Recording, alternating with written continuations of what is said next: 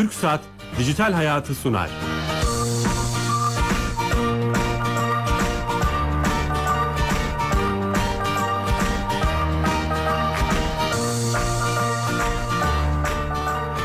Dijital Hayat'a hoş geldiniz. Her cuma TRT Radyo 1 mikrofonlarında internet, teknoloji ve sosyal medyanın hayatımıza etkilerini konuşuyoruz. Bu hafta ilginç bir konuyu çok değerli bir konukla konuşacağız. Ee, artık malumumuz herkes her şeyi bildiğini iddia ediyor veya bildiğini düşünüyor.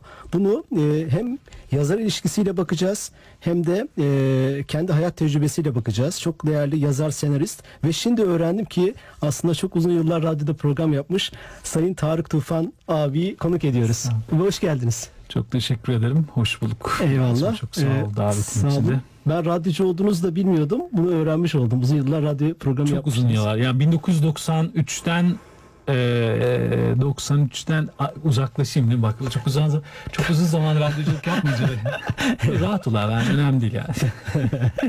Eyvallah. Çok iyi. Mikrofona dikkatli ol diyorlar bana o yüzden. Çok uzun zamandır radyoculuk yaptım. Ya 2003'ten başlayıp 2000 şey yok affedersin 1993'ten başlayıp üniversitede üniversiteye başlamıştım ve Türkiye'de özel radyolar açılmaya başlamıştı. Ee, 2004'e kadar filan O çok 11 sene. Evet yani bir belki arada boşluklar vardır ama sürekli program yaptım. Ee, Ama bu program için doğru isim miyim onu da ben de bilmiyorum. Programın sonunda artık Tamam, sen belki zaman pişman konuşuruz. olursun. Yani Yok, niye adamı çağırdın falan. Hayır, Çünkü hayır, dijitali olmaz. bilmiyorum. Sosyal medyayı çok hani e, e, kullanıcı düzeyinde biliyorum ama bilmiyorum. Ne olacak ben de merak Biz de ediyorum. zaten tam hani bu, bu, bu internet ve teknoloji dediğimiz şeye hayatın değişik açılarından bakabilecek insanları konuk ediyoruz sizin gibi. Hani yazar kimliğinizle bakıp çok belki Heyecan- çok enteresan hiç çok bakmadınız. Heyecan, çok heyecan duyuyorum Eyvallah. gerçekten. Eyvallah. Ee, ben o yüzden üstadım diyeceğim. Ee, biz daha yeni radyocuyuz. Ya. Ee, öncesinde bizim sponsorumuz TürkSat Ankara'ya bağlanıyoruz. TürkSat'a. Onlar Benim bir şey yapmam gerekiyor mu? Yok hayır ben Hayır, o e, zaman onları bağlanıp çok şükür anlatacağız. Onlar biliyorsun Türkiye Gov.tr bizim e-devlet kapısı dediğimiz e, kamuyla, belediyelerle işte işlerimizi elektronik olarak hallettiğimiz bir sistem. Yani ben bu konularda iyi değilim. Ben gerçekten bana buradan sormazsa. Tamam yok sormayacağım. Sormayacağım. Şimdi e, kendisiyle bağlanacağız ve bize özel bir özelliği anlatacak. E, Tuğan Bey Evet Bilal Bey buyurun. eyvallah. E, çok e, e, tecrübeli bir radyocu abimizle beraberiz. E, E-Devlet'i de konuşmak istedik biraz sizinle. E, bu hafta hangi özelliği bize anlatacaksınız? Ee, Bilgi Teknolojileri Kurumu'nun bir hizmeti var aslında ondan bahsedeceğim. Tamam. E, BTK kayıt çalıntı ihbar hizmeti. Ee, bu hizmet şöyle çalışıyor. Ee, bugün bir telefonunuzu kaybedersiniz. Ee, işte hani bunu kayıt çalıntı olarak bildirmek istediğiniz zaman e, BTK'ya ya da kendi operatörünüze bildirmeniz gerekebilir. Ee, bu, bu sayede devlet kapısında şöyle bir hizmet yaptık. Biz kayıp telefonunuzu kaybettiniz diyelim örneğin Tamam. ve kullanılmasını istemiyorsunuz. Kayıp çalıntı ihbarını e-devlet üzerinden çok kısa bir şekilde yaptığınızda telefon artık iletişime kapatılmış oluyor ve hiçbir şekilde kullanılamaz hale geliyor. Hı -hı.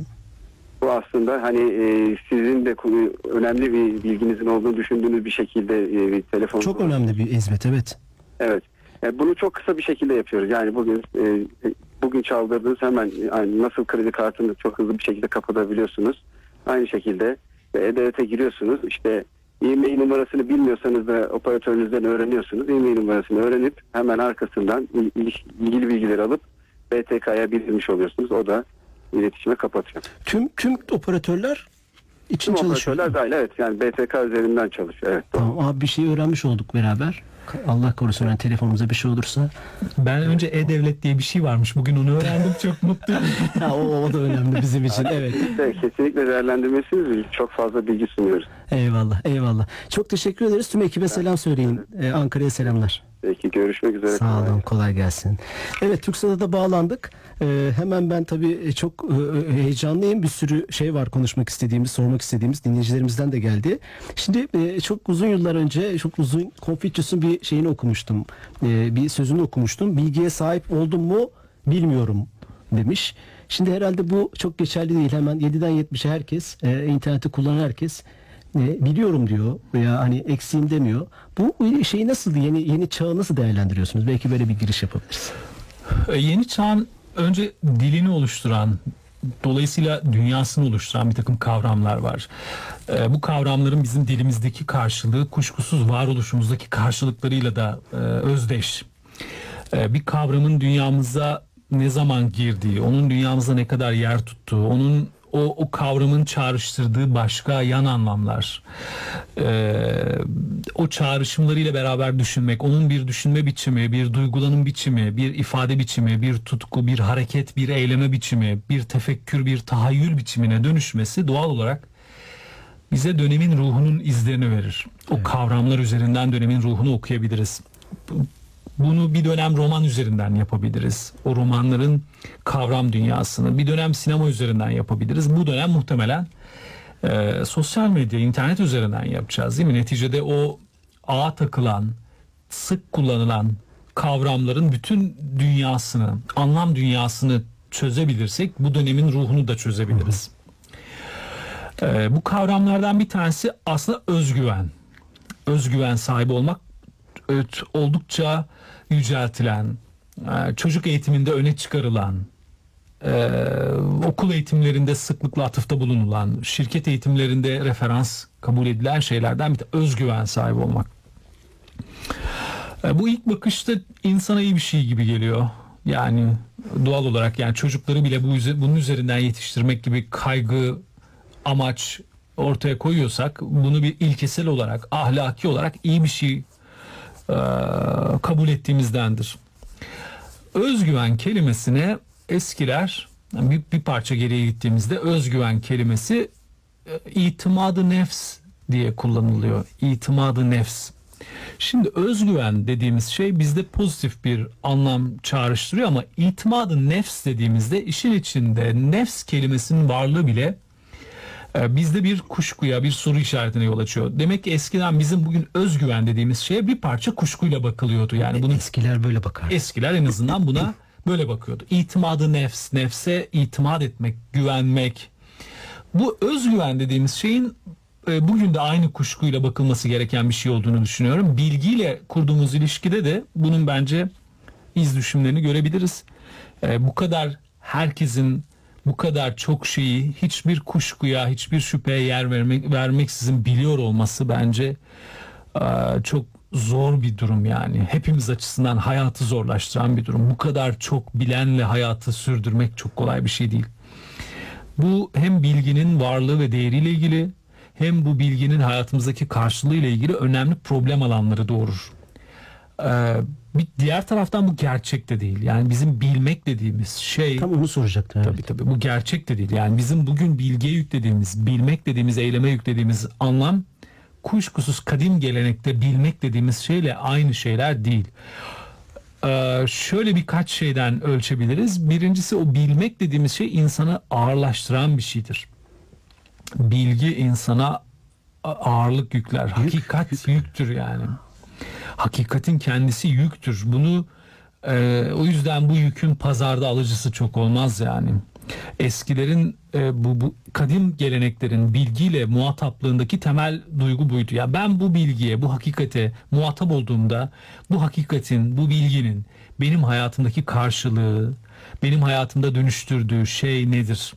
Siz hiçbir bilgiye muhatap olup da o bilginin sizin dünyanızda herhangi bir değişikliğe yol açmadan hayatınıza devam edemezsiniz yani. Yani bir şey bir şeyle karşılaşıyorsunuz, e, temas ediyorsunuz, ona dokunuyorsunuz. Tırnak içinde söyleyelim, biliyorsunuz bir şeyi. Peki o şeyi bildiğiniz andan itibaren hayatınızda ne değişiyor? Sorumluluk ve aksiyon diyebilir miyiz? Ne değişiyor? Soru olarak herkes kendisine sorabilir. Hayatınızda sorumluluk olarak ne değişiyor? Eylem olarak ne değişiyor? Duygu olarak ne değiştiriyor? İnanç olarak ne değişiyor? Ee, geleceğe dönü- dönük tasavvurunuzda neyi değiştiriyor? Kendinizle ilişkide neyi değiştiriyor? Kendi dışınızdaki dünyayla ve kendi dışınızda var olan her şeyle kurduğunuz ilişkide ne değiştiriyor? Acayip sorular oldu. Yani şimdi ben bunu biliyorum diyorsunuz ve o bildiğiniz şey hayatınızda hiçbir değişime, hiçbir dönüşüme katkı sağlamıyor.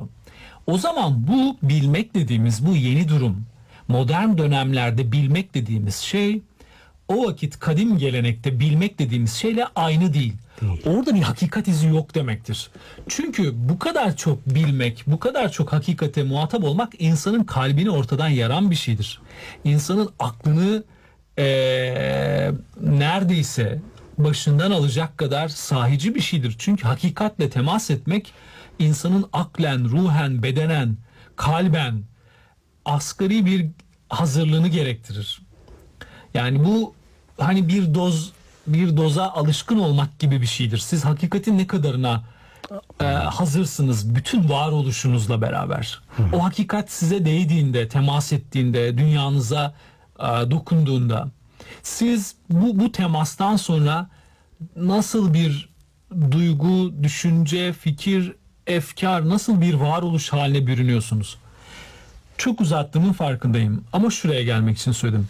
Modern dünyada bu kadar çok şey bildiğini özgüvenle, rahatlıkla ifade eden insanların dünyasında bu bilginin karşılığı nedir?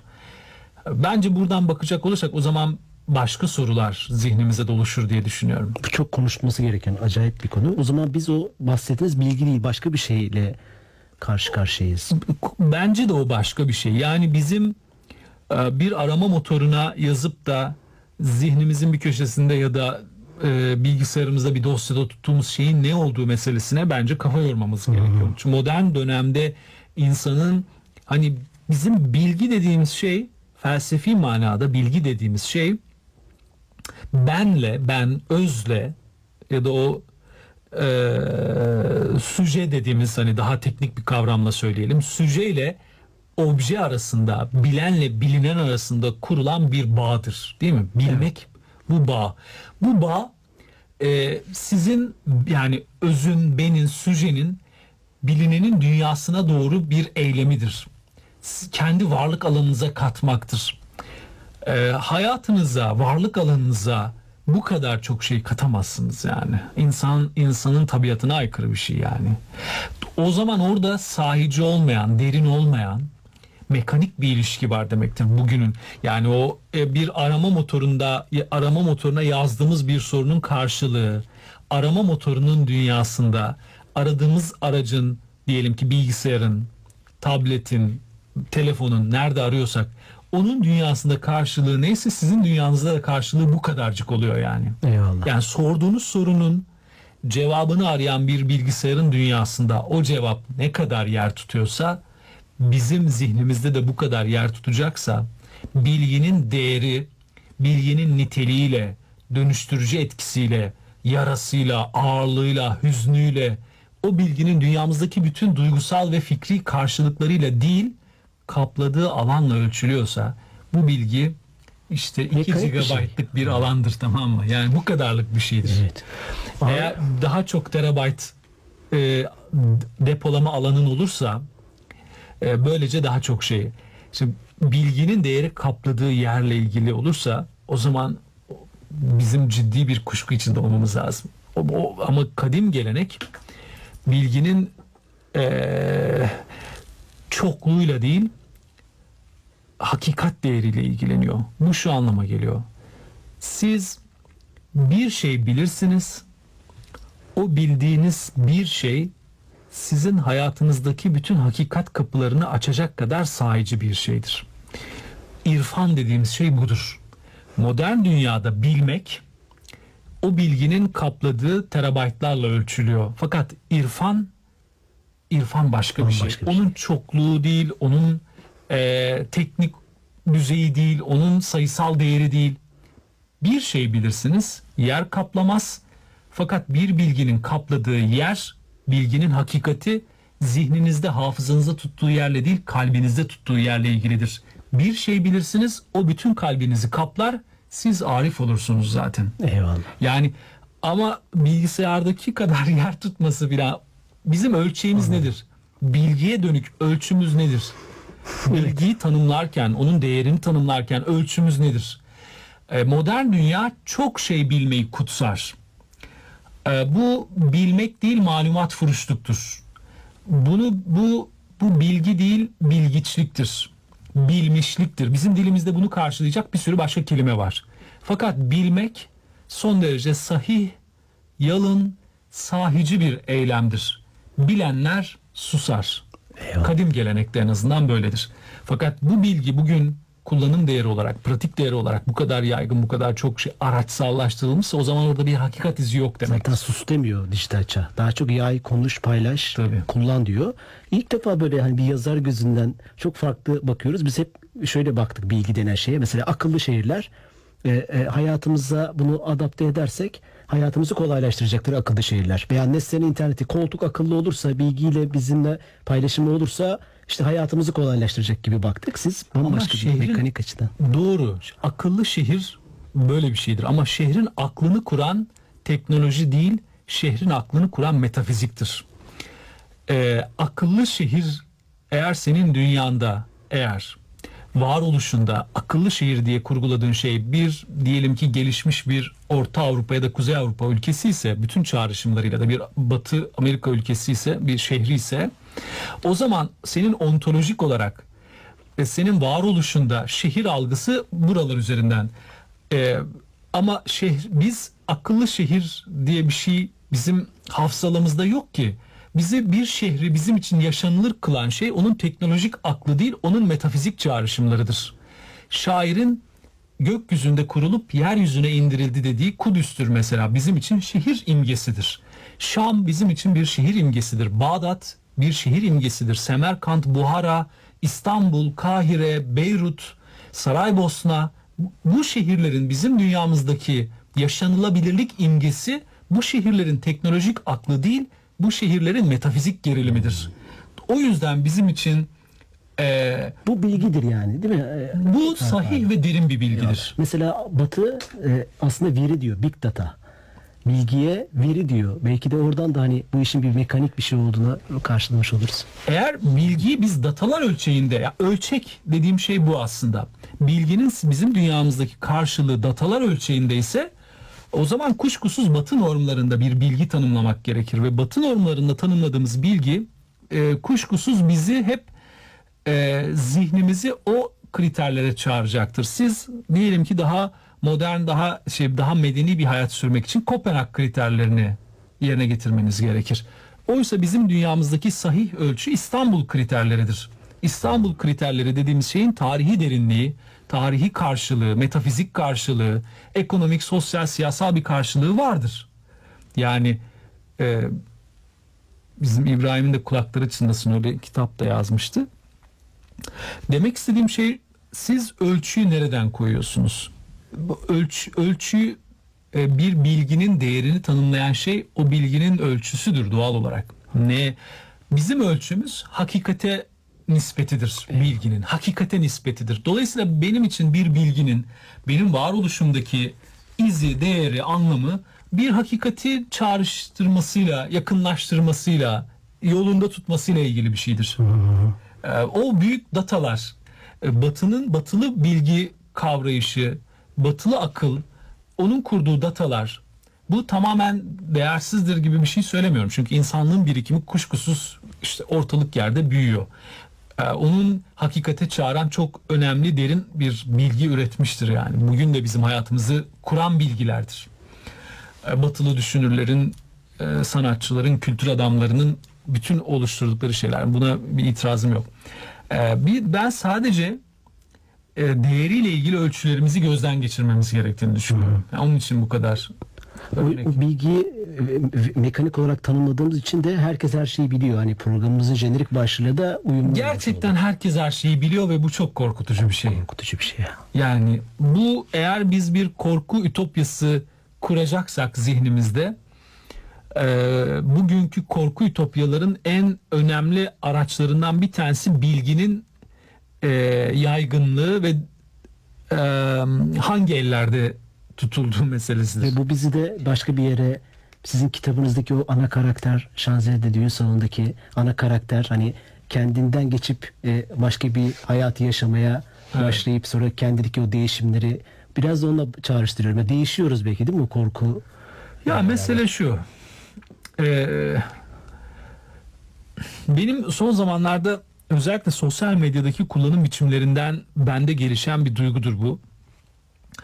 Ee, sosyal medyada Ben mesela kişisel olarak geri çektiğinizi gördüm kendinizi. bir sebebi de bu. Ya herkes bu kadar haklı olamaz yani. Yani herkesin bu kadar haklı olduğu bir dünya olamaz yani. Birbiriyle bu kadar farklı bilgi alanlarından beslenip birbirinden bu kadar farklı yaşam algıları kurup birbirinden bu kadar farklı karakterler, farklı doğrular, farklı hakikatler kurup da bu kadar haklı olan insan topluluğu beni korkutuyor yani. Sosyal medyada e, aslında bu yüzden bir parça uzak yüzden duruyorum korkunç yani. diyorsunuz değil mi? Yani? Korkunç bir dünya yani. O dünyanın bütün çağrışımları korkunç. Çünkü herkes fark edilmek istiyor. Yani doğal insan fark edilmek ister yani. İnsanı insan yapan bir özellik bu yani. İnsan fark edilmek ister. Ee, insanın fark edilmesinin dönemsel karşılıkları vardır. Bir dönem insanlar fark edilmek için iyilik yapmak durumundalardı. Bir dönem insanlar fark edilmek için bir şey imal etmek zorundalardı. Modern dünyada fark edilmenin en kolay ve sert yolu kötücül olmaktır. Kötücül. Yani sen eğer sosyal medyada bir iyilik üzerinden bir takım tweetler atmaya başlasan, iyilik nedir, iyilik nasıl ulaşılır, hayatın içerisindeki iyilik nasıl kurulur filan desen kimse bununla ilgilenmez. Fakat e, aynı kurumda çalıştığın veya ne bileyim tanıdığın e, başkalarının da tanımış tanıma ihtimalinin olduğu ya da herhangi bir karakter üzerinden son derece kötücül şeyler yazmaya başlarsan bir anda insanlar orada burada ne oluyor? Hani sokakta giderken bir yerden gürültü geldiğinde hepimizin dikkatinin oraya çevrilmesi gibi. Burada bir kavga var yani.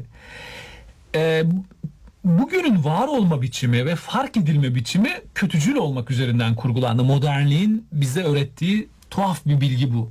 İnsanlar bilinç altında bu bilgiyi saklı tutuyorlar. Birine kalkıp da ya hakikaten ne kadar güzel yazdın demek yerine ya aynı kişinin adını anarak bu alçağın yazdığı hiçbir şey tek bir satır okunmaz çünkü desen daha çok ilgi görüyor yani. Bu Kötü de şey. toplandı yani. Kötü de Ne toplandı. yazık ki bu bir e, bu bir dönüşüm. Yani e, Gregor Samsa bir sabah uyandığında kendini dev bir böceğe dönüşmüş olarak gördüğü hikayesinin bugün gerçeklik alanıdır.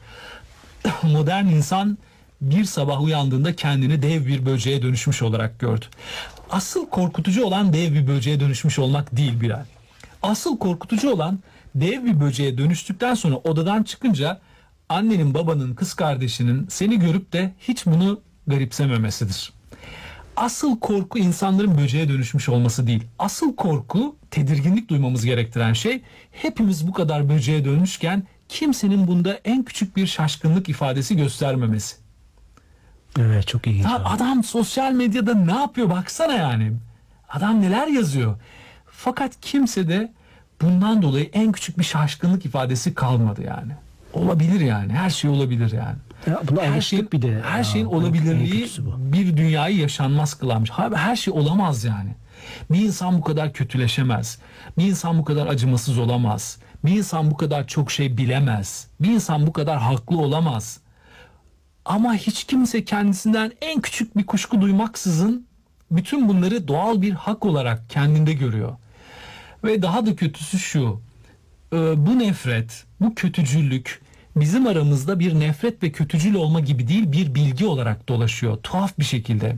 Yani kendi nefretini ideolojik bir takım formlarla duyarlılık gibi satan adamlar var.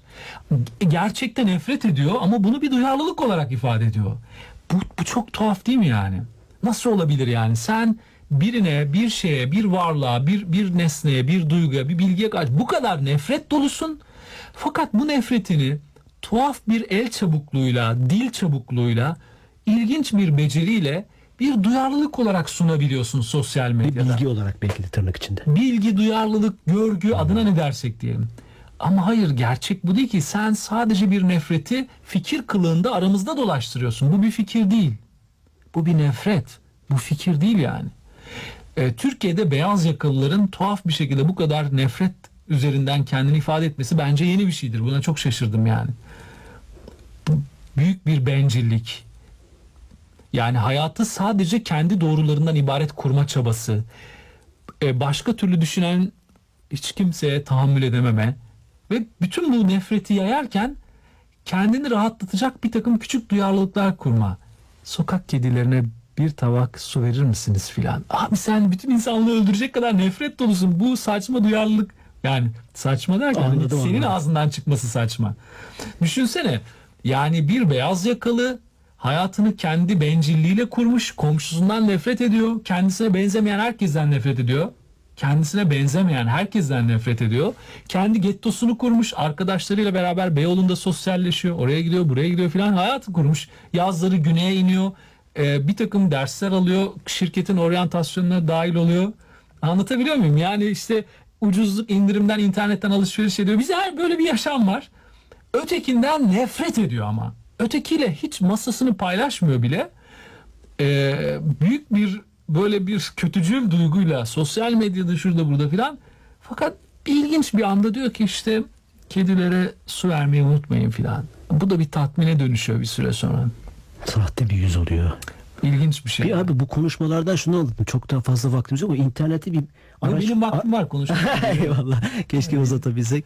Kaç Şey, dakika? 5 dakika sonra bitiriyor mu? 5 dakika sonra bitireceğiz ama şunu merak ediyorum. Siz hep şunu işliyorduk biz. Onu değiştirdiniz aslında kökünden. İnternet bir araç değil. E, Siz internetle beraber yeni bir insan tarifi yaptınız. Bak şimdi e, ilk e, bizim internetle ilk kurduğumuz ilişkide sen benden çok daha iyi bildiğin üzere e, bir tane ikon vardı. Onun üzerine basıyorduk ve bir bağlantı sesi ortaya çıkıyordu. O bağlantı sesi bazen başarıya ulaşıyordu, bazen başarısız oluyordu, bağlanamıyorduk. Bağlandığında da ya. bağlandığında da pahalı bir şeyin içine dahil oluyorduk. 30 dakika kullanıyorduk ve bunun bir parası vardı. Şimdi bu bu bu düzlemde insanın internetle kurduğu, sosyal medya ile kurduğu ilişki diyelim bir chat odalarında kendine bir isim, bir nickname seçip orada bir saat takılıyordu ve sonra hayatına devam ediyordu. Fakat artık e, bir sosyal medya hesabı varsa 24 saat e, bu sosyal medya üzerinden başkalarıyla iletişime geçebilecek durumdayız. Ha, teknik olarak ona bağlıyız artık. Bağlı bağlılıktan söz etmiyorum. Bu bile şey. Şimdi şu. Bak. e, düşün ki bir insan etrafında bütün sevdikleriyle iş arkadaşları, ev arkadaşı, karısı, sevgilisi, çocuğu, bilmem babası, anı herkesle konuştuğu konuştuğu konudan ve kelimeden çok daha fazlasını sosyal medya hesabı üzerinden paylaşıyor. Değil mi? Doğru. Neredeyse yani. Özellikle bu konuda daha şeyi gelişmiş, aktif olanlar. olanlar, için Yeni söylüyorum. kuşak Z kuşağı örneği. Şimdi düşünsene abi bak anasıyla babasıyla konuşmadığı kadar iki daha büyük bir şey. Şimdi gerçek olan hangisi? Bizim so- sokakta karşılaştığımız, okulda karşılaştığımız, şirkette karşılaştığımız Ahmet mi gerçek yoksa 24 saat sosyal medyada işte gecelerin efendisi diye takılan o çocuk mu gerçek? Hangi kimliğimiz daha gerçek? Hangisiyle daha çok kendimizi ifade ediyoruz? İnsanın kimliği kendisini ifade etme biçimidir. Adam gündelik hayatta bu kadar kendisini ifade etmiyor yani. Bu şu demek. Bütün e, varoluş temsilleri e, sosyal medya hesapları çıktı artık. Araç diyemeyiz yani. Bu araçlığı mı kaldı yani? Araç dediğin şey kullanılıp bir kenara konur. İçinde senin kalbin kadar tanış, taşıdığın, kalbin kadar içinde duran bir şey nasıl araç o? Kalbi aracı mıdır insanın? Göz aracın mıdır senin Uzvu artık? aracı mıdır? Uzu herhangi bir uzu araç sağlayıcı. Hayır o, o senin şu senin artık şu telefon, bir mobil telefon. Senin için araç olamaz ki senin bir parçan yani. Çok güzel ifade ettin abi. Yani araç Nasıl uzun- araç uzun- diyebiliriz evet, buna? Araç olmadı biz olduk yani. Eyvallah. Abi peki çok olumsuz bir şey gördük ama son bir dakikada olumlu bir şey var mı bu, bu dünyaya ait? olumlu bir şey. elbe olumlu her şeyin olumlu bir şey vardır yani. Olumlu bir şey insan e, e, ne ki mütecellidir, iyidir. Büyüklerin ifadesiyle söyleyelim yani. Ne ki mütecellidir, iyidir.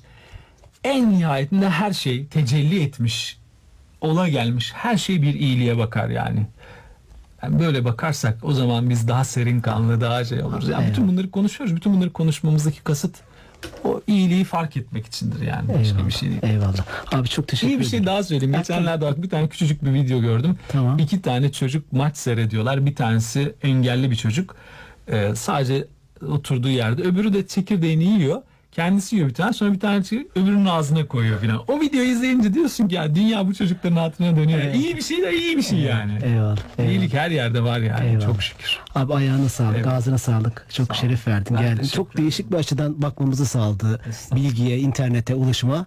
Ee, haftaya yeni konu ve konuklarla beraber olacağız. Tüm geçmiş programlarımızı YouTube kanalımızdan bulabilirsiniz. Hayırlı hafta sonları, kolay gelsin.